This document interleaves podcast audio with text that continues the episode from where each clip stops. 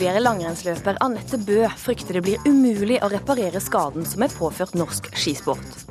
Det ryktet vi på en måte har hatt, det er eh, ristet i filler. Det er ikke Nå er vi en dopingnasjon i andres øyne. Er det et problem at barn får oppleve skolegudstjeneste? Ja, mener Tromsø-kommentator. Nei, kontra muslimsk mamma. Og hva gjør du hvis du vil ha sex uten å gjøre kvinner gravid? For meg så er dette en liten høytidsstund på dagen å få lov til å sterilisere menn. Kondom er nemlig ikke det eneste alternativet for menn. Flere velger å kutte strengene. Velkommen til ukeslutt. Jeg heter Ann Kristin Listøl. Bli med videre. Og aller først, kan du forestille deg, du er ute en mørk høstkveld. Det er ingen folk rundt deg, og så plutselig så ser du noe som lyser litt opp. Du skjønner ikke helt hva det er, men det er kvitt, veldig kvitt i ansiktet. Og etter hvert som det kommer nærmere, så ser du at det har rød nese, litt rart bustete hår, og ja, det er tydeligvis en klovn. Men det er noe rart, for du skjønner ikke at det er en sånn tradisjonell snill klovn. For den har kniv i hånda, ei rar maske med spisse tenner, og så kommer han springende mot deg. Du er utsatt for fenomenet killer clowns. Vi fikk melding om at det var en person som hadde løpt etter en bil iført klovndrakt med noe som så ut som et våpen. Og Dette viste seg å være en ung gutt på 13 år som ble filma av tre jevnaldrende. En mindreårig eh, gutt eh, ble i Lillesand i formiddag skremt av en person i klovnedrakt som hoppa ut i veien foran gutten. Klovner skremmer de unge. En stor kniv. Det var sånn tagger på han. Jeg tror det var ekte, litt usikker, men det så ekte ut. Og så kakka han på ruta, og da fikk jeg nok, og så ringte jeg politiet. The Killer Clowns skremmer vettet av folk. Jeg ble ganske redd, så jeg løp rett hjem. Men det er viktig å understreke at eh, det er jo ikke straffbart å være i eh, en klovnedrakt. Det er jo atferden som kan være straffbart. Altså det at man skremmer og oppfører seg plagsomt. Klovneangsten herjer i landet. Og Maria Heier Pedersen, du er 15 år, du går i 10. klasse. Og du er en av mange som nå har blitt redd for klovn. Hva er det du syns er ekkelt? Altså, det begynte jo ikke egentlig med at jeg var redd. Men så dukket det opp dette fenomenet, og jeg hørte om en venn som hadde møtt på en klovn. Og jeg leste det på sosiale medier. Og så tenkte jeg først at jeg lo det litt bort, og det var litt absurd. Men så leste jeg meg litt opp på forskjellige saker i VG og Dagbladet. Og da ble det mye mer realistisk, og da kjenner jeg at jeg blir engstelig for å gå ute alene. Og jeg blir rett og slett redd for at noen bare skal plutselig hoppe fram og skremme meg. Hvordan er det du har merka denne redselen? Nei, altså det er den derre den litt nervøsiteten da, når jeg går ut av døra og ned trappene og ut på veien. da. Det er helt mørkt. Det er ingen biler, ingen mennesker. Jeg er jo bare helt alene da, så tenker jeg at jeg er veldig utsatt, rett og slett. Og dette her starta litt Det starta jo på sosiale medier, og du har sett mye der. Hva har du sett der som har gjort særlig inntrykk på deg? Nei, det startet egentlig på Instagram, eh, hvor det var noen sånne hva skal man si, noen sånne outlines hvor det sto sånn 'Killer clowns har kommet til Norge' og sånt. Og eh, i begynnelsen så lo jeg det jo bare bort. Men så eh, kom det videoer på Facebook, og så etter hvert folk som filmet det og la det ut på Snap og sånt også. Og da, da, begynte jeg å skjønne at det er folk jeg kjenner som virkelig ser klovner, og da begynte jeg også å bli ekstremt redd, rett og slett. Og, og i hverdagen, da? Hvordan preger dette deg? Altså, sånn på dagen så er det jo ikke et veldig stort problem. Men det er liksom på kvelden på vei hjem fra trening, eller, eller om jeg skal ut en fredag kveld, eller, eller, om jeg skal på vei hjem fra kirken, eller et eller annet sånt. Når det er mørkt, rett og slett. Det er da det liksom kjenner at det treffer skikkelig. Ja, Og hvis du har opplevd å bli skikkelig redd, da, hva, hva gjorde du da? Um, det er bare noen dager siden så um, ble jeg veldig redd på vei hjem fra, um, fra, kirken en kveld. Og da måtte jeg rett og slett uh, ringe bestevenninnen min, for jeg turte ikke å gå alene uten å snakke med noen. Så jeg ringte rett og slett henne og sa du er nødt til å snakke med deg. Fordi jeg er skikkelig redd for at det skal komme en klovn eller noen og hoppe fram og skremme meg skikkelig. Og du var ikke redd for klovn før, sant? Det er nå det har kommet? Ja, det er nå det har kommet. Og du er ikke alene. Det er mange som har blitt redde for klovner. Og dette er jo òg sånn som klovner merker. Og vi har med oss en klovn med, ikke her i studio, eh, men på linje ifra Bodø. Det er Frode Moen. Klovnen Foffo. Du, På fritida så jobber du mye som klovn. Du er med i barneselskaper. Og du har nå fått avbestillinger. Hvorfor det? God dag. Ja, det stemmer det. Og det er jo ofte sånn at foreldrene ønsker at de leier inn en klovn som skal være en, en positiv overraskelse i et barneselskap. Nå ringer de og, og må avbestille fordi at det ligger jo i kortene at det blir ikke noe positiv overraskelse når det kommer en, en klovn som i verste fall kan skremme ungene. Da blir det en, en negativ handling. og Da velger de heller å avbestille enn å risikere at ungene skal bli redde. Så du forstår de avbestillingene? Det forstår jeg veldig godt. Sånn som uh, klovnene er blitt beskrevet i media den siste tida, så, så, skjønner jeg det godt. Men hva bør man gjøre da? Jeg tror vi bør se forbi det og uh, ja, se forbi det som har vært skrevet i media. Uh, se tilbake i tid og se Historisk sett så er jo klovn en Eh, jovial person som eh, skal opptre stilfullt. Eh, de som opptrer som klovner, som vi har lest om i media i det siste, de har jo gått inn for å skremme andre. Litt inspirert av sosiale medier i seg sjøl, men også inspirert igjen av skrekkfilmer og dette med å bringe dette overraskelsesmomentet inn i Eh, hverdagen. Altså eh, hvordan få eh, den beste karakteren du kan tenke deg, altså klovn, som er den snilleste og den beste personen, er nettopp den som blir mest skummel når han først blir skummel. Og vi har òg med oss enda en person her. Det er Kyrre Sæter. Du er sykepleier og humorist, men du var òg med å starte humoristisk poliklinikk på Bærum sykehus, der dere brukte klovneneser og humor for å hjelpe bl.a. pasienter. Mm. Det som skjer nå, er det i ferd med å ødelegge klovnen? Nei, det gjør det ikke. Men det er jo sånn historisk så, så, er jo ikke det å, skremme andre det er noe, det er ikke noe humoristisk i det. Uh, og så er det jo jeg som utsetter deg for et eller annet. Jeg vet jo aldri hvordan du vil reagere. Så derfor så, så, uh, så er jo ikke det bra. Altså Det å, å, å bruke eh, skremsel som humor, det er, det er, ikke, det er ikke fint.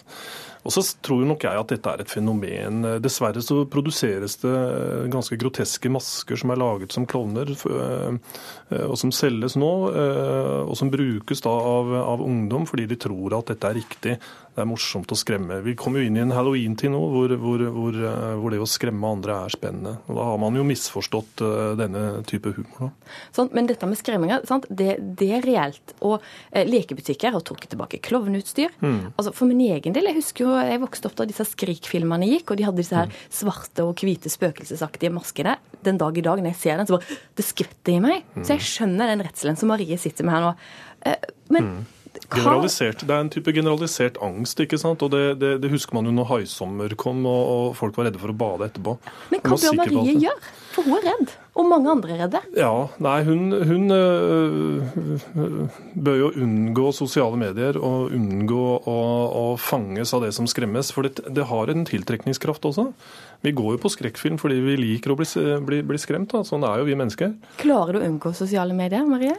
Um, sosiale medier er jo en stor del av hverdagen til ungdommer nå for tiden, så å unngå det sånn totalt og helt umulig, det tror jeg egentlig er ganske vanskelig for veldig mange.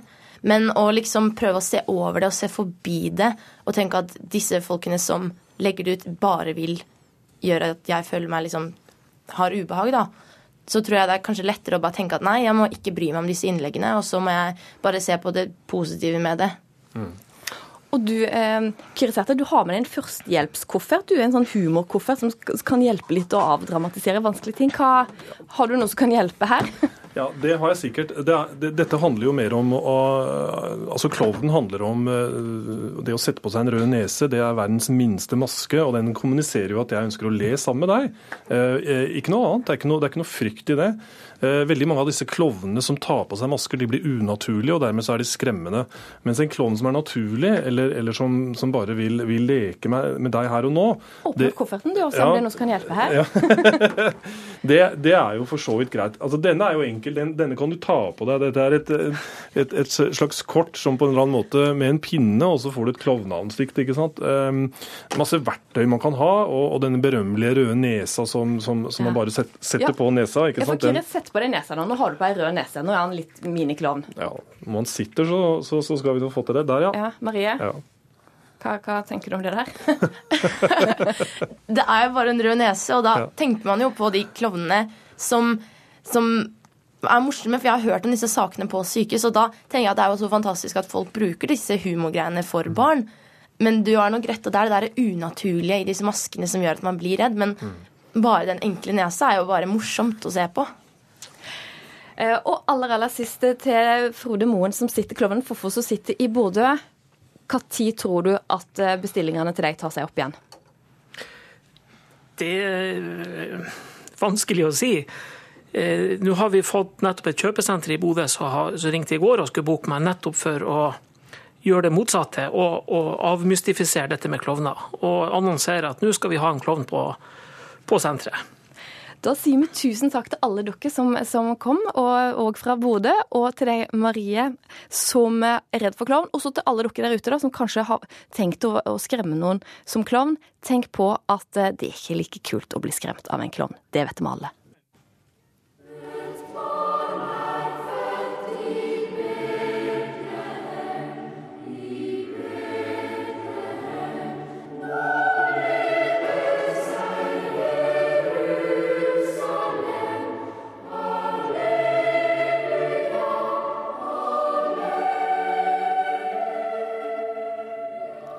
Bør skolen droppe skolegudstjenester? Eller bør skolegudstjenestene bli mindre kristne, sånn at alle blir inkludert? Det spørsmålet har skapt stort engasjement de siste ukene, og det ble òg et tema under bispemøtet denne uka. Egon Holstad, du er kommentator i avisa i Tromsø. Du er med oss ifra Tromsø. I en kommentar i egen avis så tar du kraftig til orde for at skolegudstjeneste er helt feil. Hvorfor det? Ja, jeg synes jo altså Undervisning og åpenhet og toleranse og lærdom om, om alle religioner er, er både viktig og, og riktig. Eh, Det som er den store prinsipielle forskjellen her, er jo at en gudstjeneste det er en forkynnende religionsutøvelse, som er da noe ganske annet, der man da tar ungene med i en religiøs deltagelse. Eh, Og Man må liksom skille mellom det og det å faktisk lære om å bli undervist i, i religion. Og Der mener jeg at skolegudstjenestene eh, puttes inn i ordinær skoletid, og dermed forkvakler da det, det, den, det mandatet skolen har for, for undervisning og å gi unger lærdom. Eh, Det er noe ganske annet å da sette dem rett inn i en religiøs, religiøs handling i regi av én spesifikk religion, og det er det jeg da er motstander av, og det er det jeg tror også kommer til å forsvinne i løpet av noen få år, i likhet med at kirka og staten nå snart eh, skal skilles. Hvis de hadde lært alt, da, både vært i en moské og en synagoge, hadde det da vært greit? Ja, altså jeg syns jo at er sånne ekskursjoner eh, i, i, i skolens regi, altså der, der ungene kunne gått på i kirke og i klostre og i moskeer og synagoger og i templer og i bedehus, og gjerne besøke Human-Etisk Forbund og, og Hedningesamfunnet og de som tror på hva det måtte være. Det syns jeg ville vært helt perfekt. Altså Vi trenger både åpenhet og, og, og toleranse, og det, og det får man jo ved, ved kunnskap. Men det er noe helt annet enn å, enn å dra ungene inn i en gudstjeneste. For gudstjeneste skal da inneholde bønn, forkynnelse og velsignelse. Eh, og det er elementer som har lite og ingenting i skoleverket å gjøre, etter min mening. Eh, Layal Ayob, du er opprinnelig fra Libanon. Du er mor til Jeanette, som er sju og et halvt år. Og du, du er muslim, det er òg dattera di. Og da hun kunne få fritak for å gå i kirka, da sa du nei, vet du hva, hun skal det. Hvorfor det? Jeg vokste opp på denne måten. Eh, Min mor sendte meg hvert eneste år i skolegudstjenesten, og jeg lærte så mye av å se hvordan andre praktiserte sin religion i kirken, og jeg følte ikke at jeg ble ekskludert. Jeg følte at det, det lærte meg noe om å respektere andre religioner, og det lærte meg også å invitere andre når vi skulle ha id-feiring eh, hos oss, eh, for å se hvordan vi også har det. Jeg er veldig for at min datter skal lære Poenget blir at hvis vi skal ekskludere barna fra å gå og praktisere andre feiringer osv., så, så vokser de opp i et samfunn hvor de tror at det de gjør er det eneste riktige, og at alle andre på en måte gjør ting som ikke er helt eh, innafor det normale. Eh, Og det er det jeg ikke ønsker at min datter skal vokse opp til. Så hva er det hun lærer ved å gå i, gudstjenesten da, og få med seg forkynnelsen som hun ikke hadde lært hvis hun ikke var med? Hun kom hjem og sa at uh, en jente i klassen at nå skjønner jeg hvordan hun feirer jul, og nå vet jeg hva hun gjør når hun er i kirken. ikke sant? Sånne ting. Og hun følte på en måte at hun var inkludert i det alle andre uh, gjorde. Uh, samtidig så oppfordrer jeg jo skolen til å dra i moskeen når det er id, og dra i synagoger når det er høytider for jøder. Og jeg vil på en måte at alle barn, barn skal lære om alt det alle andre gjør. For vi vokser jo Selvfølgelig blir jo samfunnet et sted mer og mer på en måte religionsfritt. og alle praktiserer sine egne ting. Og jo mer vi lærer om hverandre og kan delta på hverandres ting, jo mer eh, aksepterende blir vi og inkludert. Ja, Holstad har jobb her et poeng, at man faktisk ikke alltid kan lære ting bare ved å bli fortalt det teoretisk, at du faktisk må oppleve det òg? Nei, jeg, jeg, jeg, følger ikke den, den, logikken helt. Det må gå an å lære seg om ting uten å ta direkte del av det. Altså det, det, det ja, men ikke det litt lettere å lære det når du er en del av det? Jo, men det kan man spissformulere og si at man kan ikke forstå narkotikapolitikk uten å ha brukt narkotika. Jeg mener, jeg mener, det, jeg mener et retorisk blindspor. For det, det her er snakk om, det er det prinsipielle. Nemlig at en gudstjeneste er en forkynnende en forkynnende eh, institusjon for Den norske kirka. Og hvis du går inn på Den norske kirka og, og, og leser hva de sjøl skriver om hva gudstjeneste er, så skriver de den er stedet der de kristne blir synlige som en menighet, et fellesskap av mennesker som deler troen på Gud og Jesu Kristi oppstandelse. Den er et sted der mennesker møter hverandre og sammen trer frem for Gud. Det syns jeg er noe ganske annet enn å lære ungene teoretisk om hva de forskjellige eh, verdensreligionene innebærer. Og det, og det, det må jo sies også at det arrangeres jo gudstjenester hver eneste søndag landet rundt, og kirka er åpen for alle. I tillegg så er det andakt hver morgen på, denne, eh, på, på Statskanalen. Du lytter vel til den? Eh, ja, gjør, ja, ja, jeg gjør det. Eh, og, og, tilgangen til å oppsøke kristendom og tilegne seg kunnskap om den er svært bra. I tillegg så har jo Norge vært ganske raus når det kommer til å gi kristendommen plass i, i både det, det, offentlige og i, i skoleverket. Så det jeg mener her er at La gjerne ungene bli undervist i absolutt alle religioner. Det tror jeg er kjempebra og kjempesunt. Men å dra ungene inn i en forkynnende, en forkynnende handling, som da er religiøs handling, i skoletida, det mener jeg er feil. For det er liksom Det er jo ingen mennesker som fødes religiøse. Religion er noe de læres opp til å bli.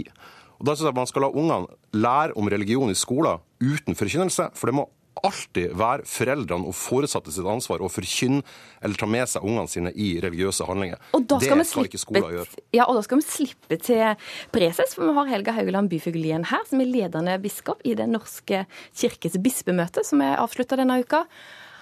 Er det et poeng at foreldre faktisk kan lære barna sine hva det vil si å gå i kirka på fritida, og at det ikke er skolens ansvar?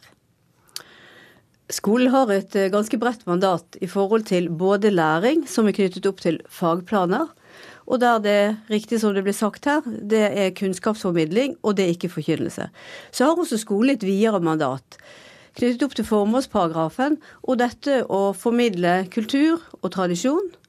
Og i det så ligger i det norske samfunn også kristen tro. Det som eh, er tilfellet, det er at når vi inviterer til eh, skolegudstjeneste, så er det ut fra et samarbeid med skolen. Og det er ikke tvil om at det er skolen som avgjør om elevene skal inviteres til gudstjeneste. Det er et læringspotensial som jeg tror skolen også er oppmerksom på, nemlig at å få oppleve hvordan dette er i praksis å gå til gudstjeneste. Fra kirkens side så er det et ønske om å formidle hva julen er for noe, og det gjøres gjennom en gudstjeneste. Et kirkerom er ikke et museum det er et sted hvor mennesker kommer sammen, hvor man deler tro, det formidles tro. De som kommer til kirken, også i forbindelse med kirkelige handlinger, har ulike forhold til kristen tro. Og det er jo det som ble sagt også her fra muslimsk mor, at eh, hun ønsker at barnet skal oppleve hva det vil si å være på en kristen gudstjeneste. Sitter der med sin muslimske bakgrunn, tenker sikkert også ut fra det godset som hun har med seg, men likevel får erfare dette.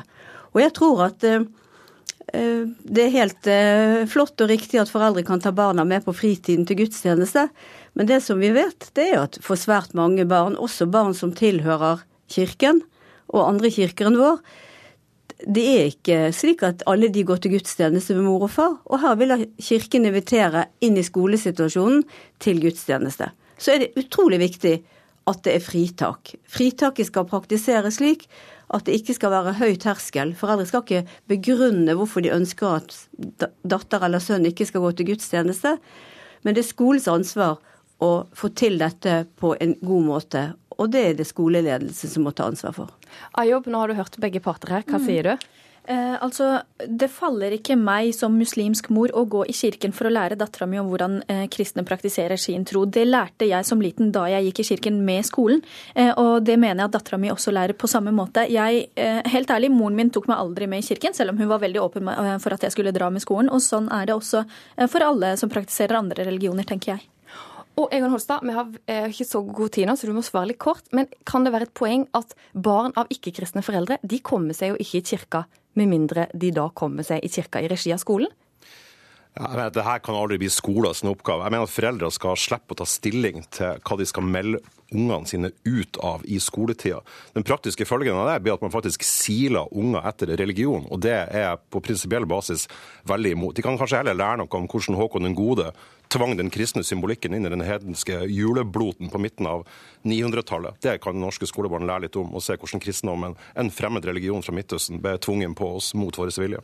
Denne debatten her, den kommer garantert til å fortsette i, i mange år framover, antagelig. Tusen takk til Egon Holstad som var med fra Tromsø, og til preses her i Oslo, og til Ayob. Det er lite mandig å ikke sterilisere seg. Det sa matskribent Yngve Ekern i 2005. Og det kan virke som om han har blitt hørt.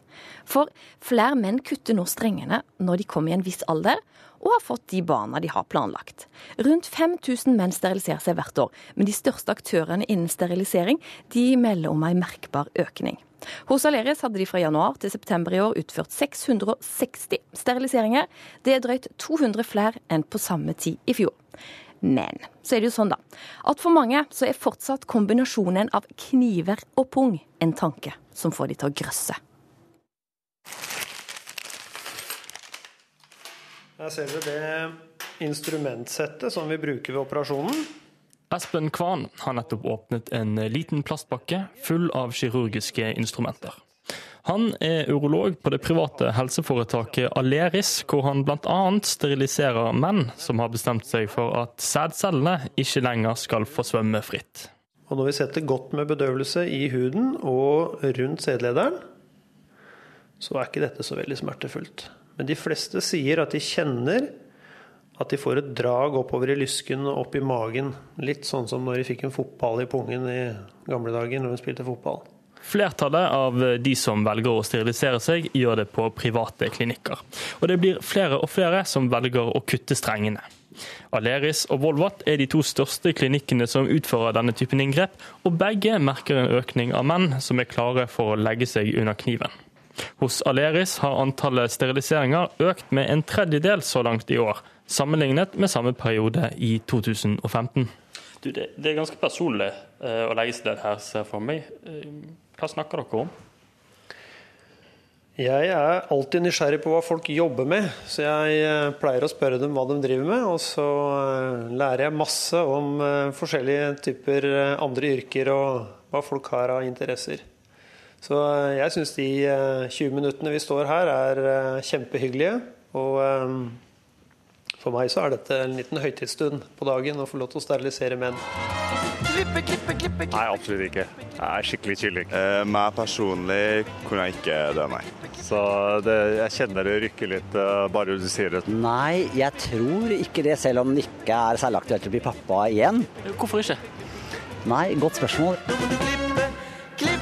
For menn som lurer på hva dette er for noe, så foreslår jeg at de tar et, eh, åpner baderomsskapet hjemme tar fram p-pillepakka til kona og kikker på pakningsvedlegget og leser litt der. For der står det ting som får det til å gå et grøss nedover ryggen på mannfolk også, skjønner du. Det sier Yngve Ekern. I fjor gikk han høyt og tydelig ut og sa det var på tide at flere menn tok ansvar. Men langt fra alle synes tanken på nedrustning er like lett å forholde seg til. For det er jo tross alt et inngrep i redskapet. Da spør folk sånn ja, Skal det liksom bare komme blårøyk ut av den, da? Noen sier også jeg syns det er litt tidlig å kastrere meg. Eller noen sier kanskje sånn Nei, det er for seint for meg å melde meg inn i Sølvguttene, liksom. Akkurat som det blir sånn kastratsanger av det. Og det syns jeg er litt uh, Jo, jeg sier at jeg syns det er ynkelig, jeg. For det er jo virkelig noe, et tema som berører alle familier, og, og menn særlig. Jeg syns vi er pålagt det ansvaret å i hvert fall vurdere om vi skal sterilisere oss. Og kanskje har budskapet til Yngve Ekern nådd frem til noen. Eh, så lurte jeg, Er det noe du kunne komme til å gjøre på et eller annet punkt? Ja, jeg gjorde faktisk det forrige uke, forrige mandag. Forrige mandag? Ja, stemmer. Så det, men jeg har tre barn, da, og jeg er jo 43 år. Så, og det er jo ingen bivirkninger med det, så jeg tror at eh, det er en veldig fornuftig avgjørelse hvis man ikke ønsker uh, flere barn. Jeg tror det er mest, mest psykologisk at mange menn uh, vegrer seg mot det, for det er jo ingen bivirkning med det. Når du lå der, var du nervøs på noen måte? Ja, det er helt forferdelig.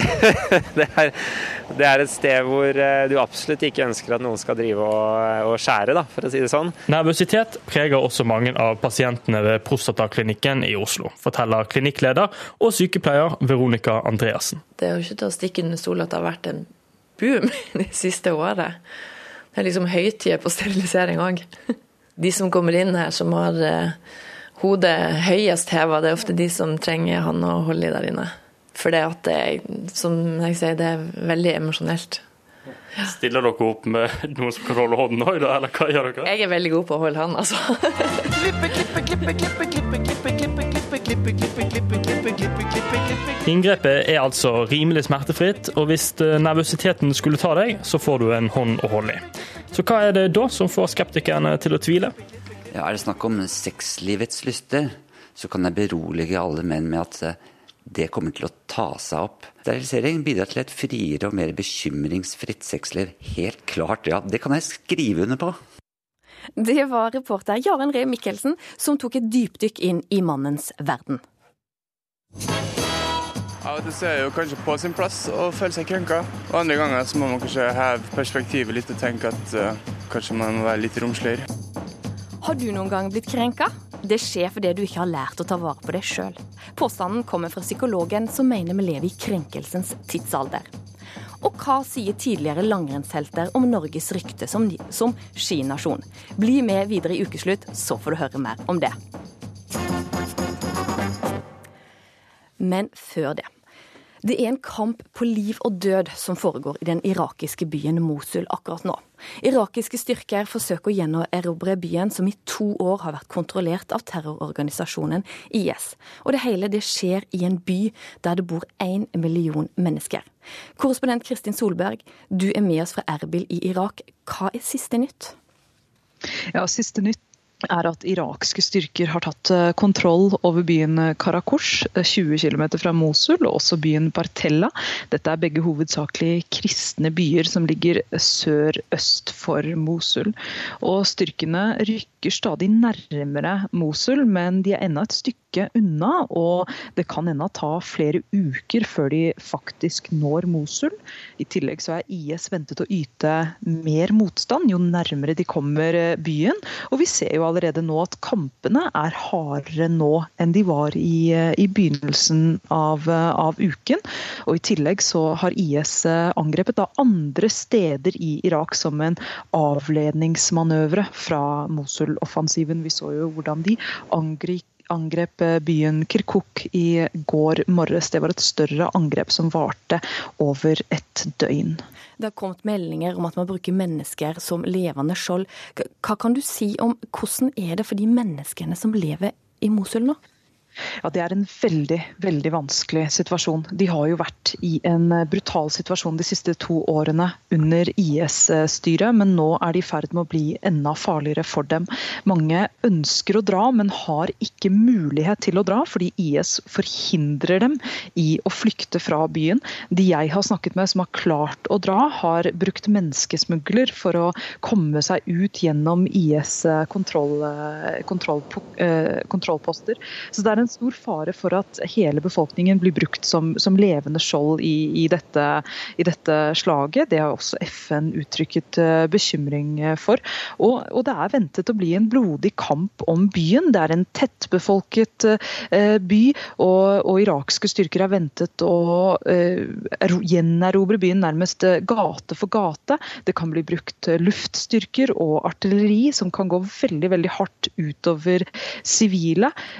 Vi ser allerede nå at mange i byen har flyktet fra vest til øst, etter at vest har vært utsatt for angrep med, med luftangrep og fra, fra, artilleri fra irakske styrker og, og den internasjonale koalisjonen her. Kristin Solberg, du skal reise videre. Tusen takk for at du var med oss og ga oss en uh, siste nyhetsrapport fra Irak. Og så skal vi se på storpolitikken i dette her. Cecilie Hellestveit, du er forsker ved ILP. Mm -hmm. Er det håp om at uh, man kan klare å ta tilbake byen nå? Ja, dette her er en offensiv som har blitt forberedt i nærmere to år, og særlig det siste halve året. Utfordringen er at Mosul det er IS sin største by. Og når de mister Mosul, så kan de ikke lenger hevde å være den staten som de påberoper seg å være. Så er Mosul IS sin første by.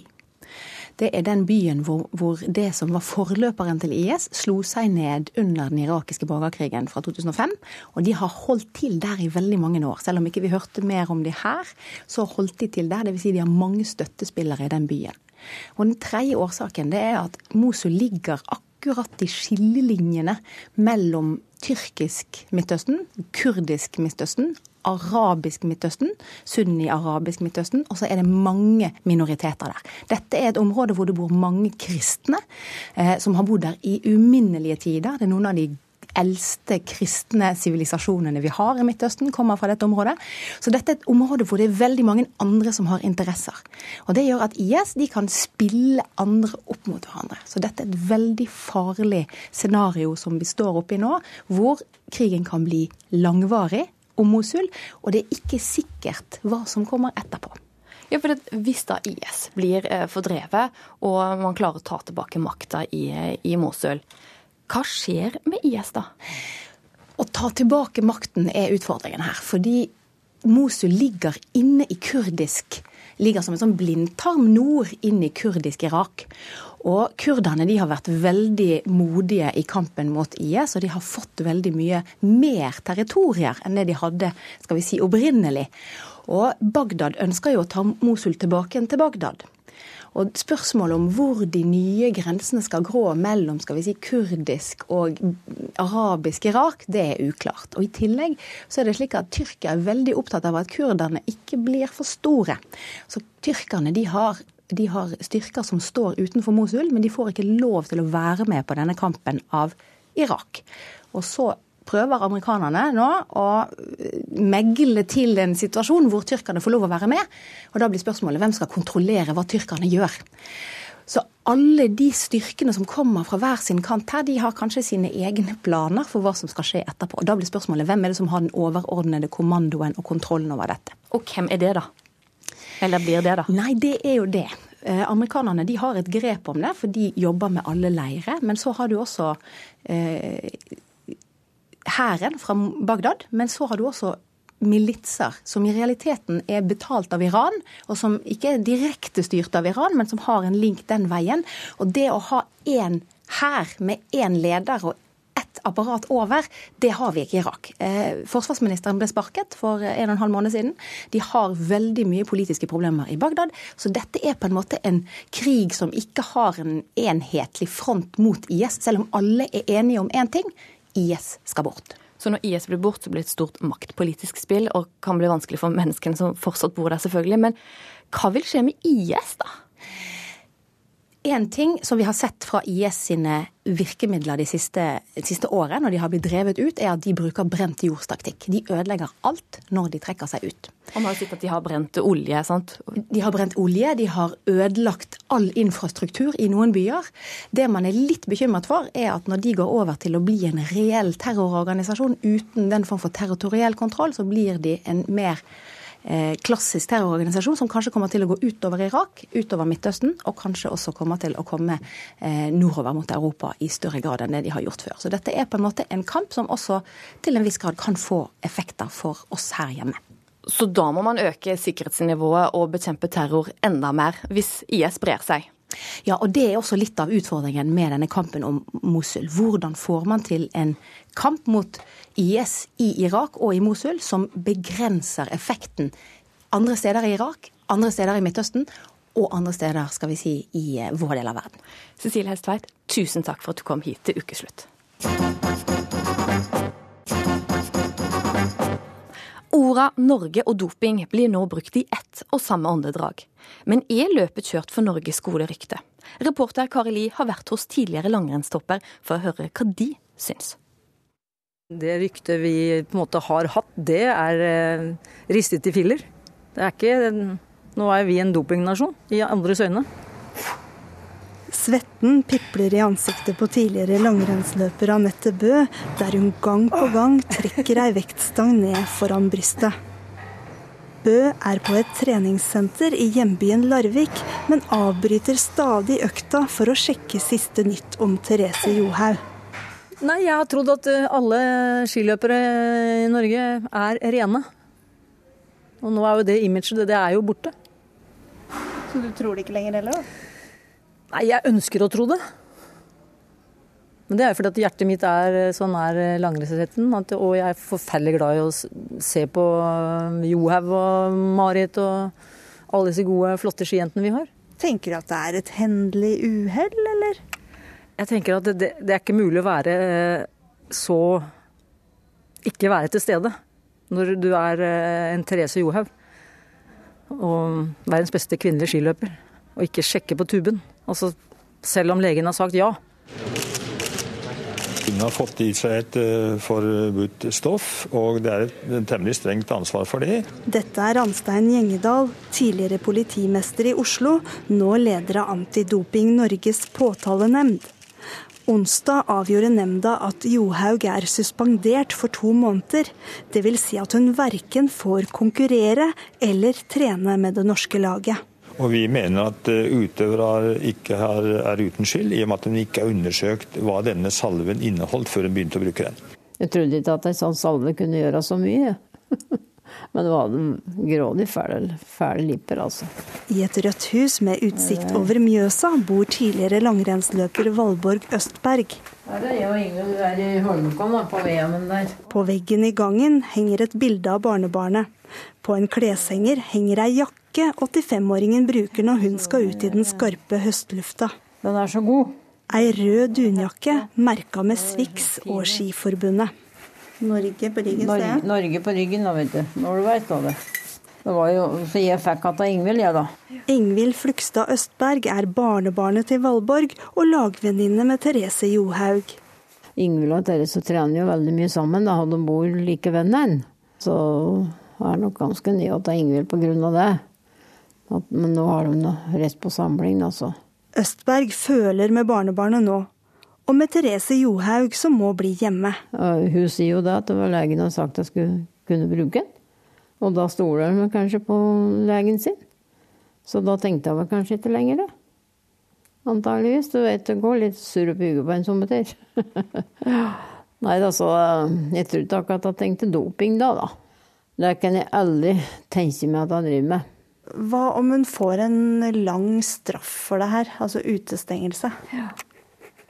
Ja Jeg vet ikke hva slags tanker hun har om fortsettelsen, altså. Det, men jeg tror nok hun fortsetter. Det gjør hun nok.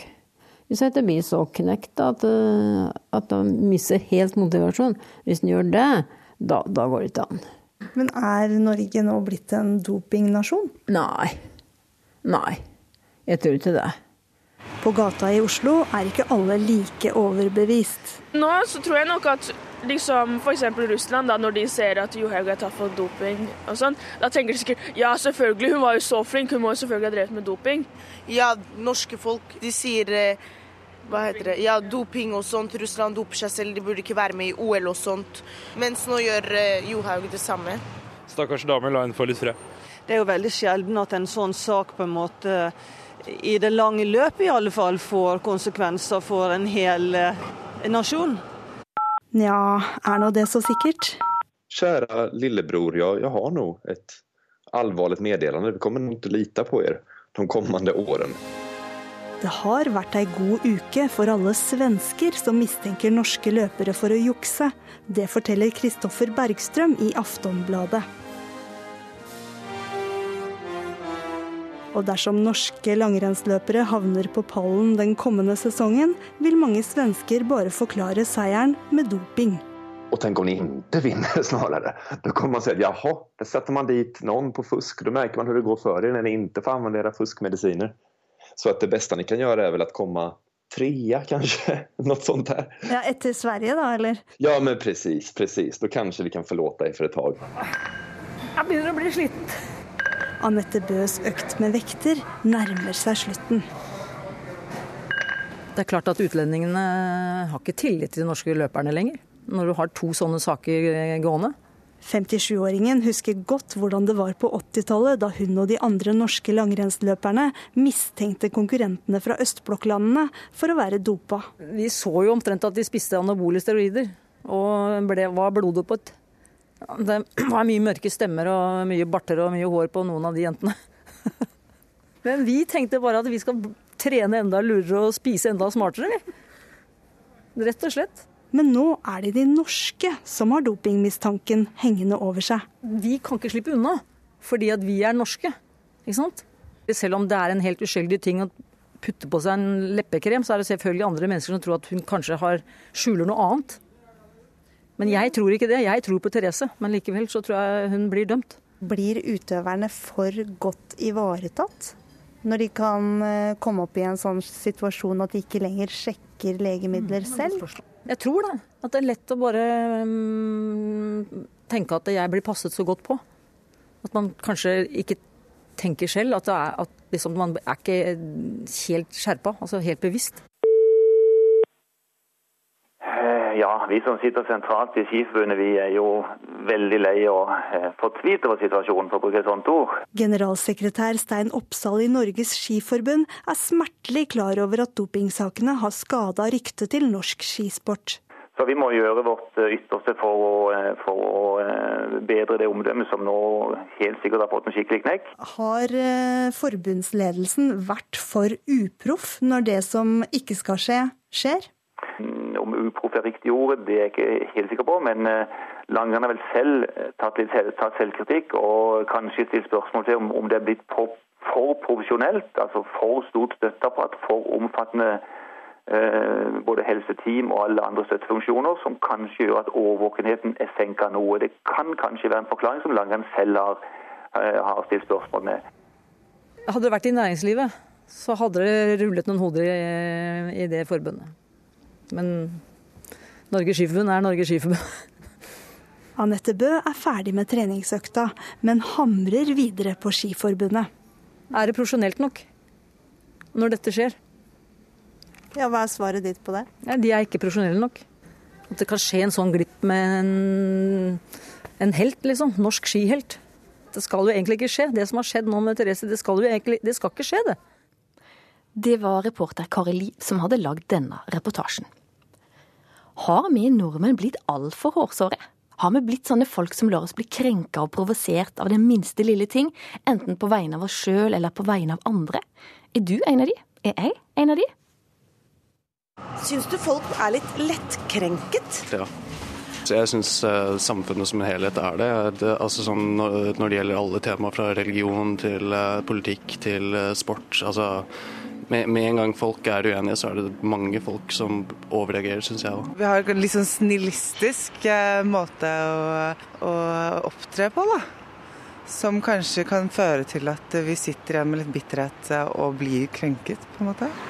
Ja, det tror jeg egentlig de er. Hvorfor er vi så lettkrenket, da? Ja, vi er veldig stolte. Da gjør at vi blir krenket, tror jeg. Er det noen personer du tenker som er litt enklere, lar seg litt enklere krenke enn andre? Det er vel de som stikker seg frem, tenker jeg. Som uh, viser seg frem. Politikere, næringslivsledere, sånne ting. Vi skal forflytte oss vestover. Vi skal til Stavanger. Leif Tore Linde, du er journalist og kommentator i Stavanger Aftenblad. Du mener vi blir for lett krenka. Hva slags eksempler har du? Ja, altså vi blir veldig lett krenka, og lista er lagt ekstremt lavt. Og jeg har opplevd um, å skrive om vegetarianere, om religion og sex og kjønn, og lærere f.eks. Uh, og de blir krenka veldig fort og veldig, veldig lett. Jeg skrev òg om nedturen i oljebransjen i vårt distrikt. Um, en slags litt harselas over de gode tidene. Og da ble folk forferdelig krenka. Og veldig mange ble krenka på, ikke for seg sjøl, men på vegne av andre. At vi kunne være så fæle å skrive at det hadde vært gode tider i olja. Det, det var en krenkelse langt over streken, mente folk. Og det ikke du som er for slem, da? Ja, Av og til så kan, det, kan vi nok være litt slemme. Men, men stort sett så, så, blir folk fort krenka. Den lista for tid vi, vi går ifra å være uenige om noe til at vi sier at vi er blitt krenka, den er blitt lagt vanvittig lavt. Eh, så nå, nå kan du, Tidligere måtte du ta rennefart og hoppe for å krenke noen. Nå kan du bare rusle, og så hvis du snufler på veien, da har du krenka noen. Når du sitter og snakker om dette, her nå, så det, har jeg en gjest i studio som sitter og nikker veldig og smiler. Og Det er Jan Atle Andersen, som er psykolog. Du har jobba med konflikthåndtering i arbeidslivet i 30 år. Du mener at vi lever i krenkelsens tidsalder. Hvorfor det? Eh, de fleste mennesker har ikke lært å ta ansvar for egne følelser. De tror at det er de andre som skaper følelsen i dem. Men hvis jeg spør mennesker hvem har ansvar for dine følelser, så svarer alle det har jeg sjøl. Men hvis du sier noe slemt til meg, da, og så tenker jeg det stemmer ikke, men du sier det, og du sier det til mange andre, og jeg blir lei meg, hva skal jeg gjøre da? Ja, det, da skal du f.eks. Eh, tenke skal jeg la meg krenke av dette eller ikke? Og hvordan, det, ja, det høres fint ut i teorien, men hvordan gjør jeg det? Ja, i praksis så kan du gjøre det jeg sa nå. Den som tenker godt, har det godt. Men hva slags eksempler eh, ser du på at vi blir for lettkrenka? Hva sa du nå? Hvilke eksempler ser du på at vi her i samfunnet blir altfor fort krenka? Ja, nei, la meg ta et eksempel. Eh, relativt ferskt for meg. Det var en eh, dame jeg kjenner som ble enke for en tid tilbake. Og så fikk hun eh, en eh, regning på posten som var stilet til eh, den avdøde, og det fant hun veldig krenkende. Og da sier jeg jeg syns ikke det er noe å la seg krenke over. Men når ble du sist krenka? Ja, det husker jeg ikke. Du, du, sier at man må lære seg å ta ansvar for egne følelser. Har du alltid kunnet det? Nei, hva lærte du det? Jeg har lært dette. Ja, hvordan lærte du det? Ja, jeg lærte det ved at noen lot meg forstå at jeg ikke behøvde å la meg krenke. Det er bare det. Jeg, jeg kan selv velge om jeg lar meg krenke eller ikke. For mine reaksjoner er mitt ansvar og ingen andres. Leif Tore Linde, Følger du psykologen her? Ja, jeg gjør det. Helt, helt til døra og over terskelen her. For dette er en treningssak. Og jeg tror noe av problemet er at vi har lagd oss liv som, eh, der vi vil ha bekrefta eh, det vi sjøl gjør og det vi sjøl sier. Altså, vi er veldig for eh, frihet og mangfold og ytringsfrihet og alt dette, så lenge folk gjør og sier akkurat sånn som vi gjør. Disse forsterkningene får vi hele tida fra Facebook og fra sosiale medier og folk rundt oss. og sånt. Og Med en gang noen mener noe annet, og gjerne litt sterkt, da vi, vi legger den vrange viljen til, vi misforstår, vi tar ting opp i verste mening. Og så løser vi altså billett til dette krenketoget eh, veldig, veldig fort. Eh, og vi misforstår det, hverandre, for det, vi er kanskje uenige om noe, men, men det, det, det, er ikke nødvendigvis en krenkelse. Men vi har, vi har satt oss sånn til at vi, vi lar oss krenke av de aller, aller minste ting. Og det tror jeg har sammenheng med mangelen på trening. Men dette da med, altså, OK, dere mener da at vi blir for lett krenka. Hva gjør det med, gitt at dere har rett, hva gjør det med samfunnet vårt? Eh, Linde først. Ja, jeg tror for så blir det veldig vanskelig å diskutere en del ting. fordi at eh, Hvis vi er uenige i sak, eh, og, og, gjerne drar til litt, så føler folk seg veldig krenka. Altså, hvis jeg, hvis jeg mener at det er OK å, å grille en kotelett en sommer, så eh, kan folk som, som sverger til brokkoliburgere og kålrotsteiger, føle seg veldig støtt og krenka bare pga. den lille tingen. Dette er et eksempel jeg har vært borti med vegetarianere. Jeg kunne tatt lærere og religiøse og kjønn, hele den pakka. Kan du, kan du, krenke meg her nå, på direkten? Nei, altså, nei, altså det er såpass lite med din personlighet at jeg føler ikke det er noe å krenke. Altså, altså, jeg vet liksom ikke helt hvor jeg skal ta tak i det. Men, du skulle bare visst. ja, og, og med, med, med, noen av oss prøver av og til å blande litt humor inn i dette, og da går det i alle fall galt. Um, men, men, det, men det er en ting folk må trene seg i. Trene på å være uenige, trene på å være til og med litt rasende uenige, og at blodet koker litt uten at det nødvendigvis betyr at jeg syns du er en fæl person. Vi kan være uenige i mange ting, men det betyr ikke at jeg krenker deg når jeg tar til motmæle, f.eks. Dere, dere er begge enige i at vi må sant, lære oss å takle det. Men Jan Atle Andersen, vi, ok, jeg vet at jeg sikkert kan bli flinkere til å lære å takle det sjøl, men noen ganger så bør vel de som kanskje sier slemme ting, òg lære seg å si mindre slemme ting? Nei, jeg synes at vi skal lære oss å ta ansvar for egne reaksjoner uansett hvem vi har med å gjøre. Vi kan ikke overlate ansvaret for eget liv til mennesker som ikke har folkeskikk. Vi gir uforskammede mennesker altfor mye makt i våre liv, og det er helt unødvendig. Denne koden. Som, det er ikke du som krenker meg, det er jeg som lar meg krenke. Det er ikke du som krenker meg, det er jeg som er dårlig til å vare, ta vare på meg sjøl når jeg møter mennesker som mangler folkeskikk. Her er det sikkert mange som har noe å lære, og så får man se hvordan man klarer å lære seg det. Jan Atle Andersen, tusen takk for at du var med oss her i studio. Og Leif Tore Lindø, eh, journalist og kommentator i Stavanger Aftenblad, tusen takk for at du var med eh, fra Stavanger. Ukeslutt er slutt. Camilla Skarra har vært ansvarlig for sendinga. Teknisk ansvarlig Lisbeth Sellereite. Jeg heter Ann Kristin Listøl. Hvis du har et tips til noe vi bør belyse, send oss en e-post. Ukeslutt. Krøllalfa. nrk.no. Håper jeg hører fra deg. Jeg håper du får ei strålende helg.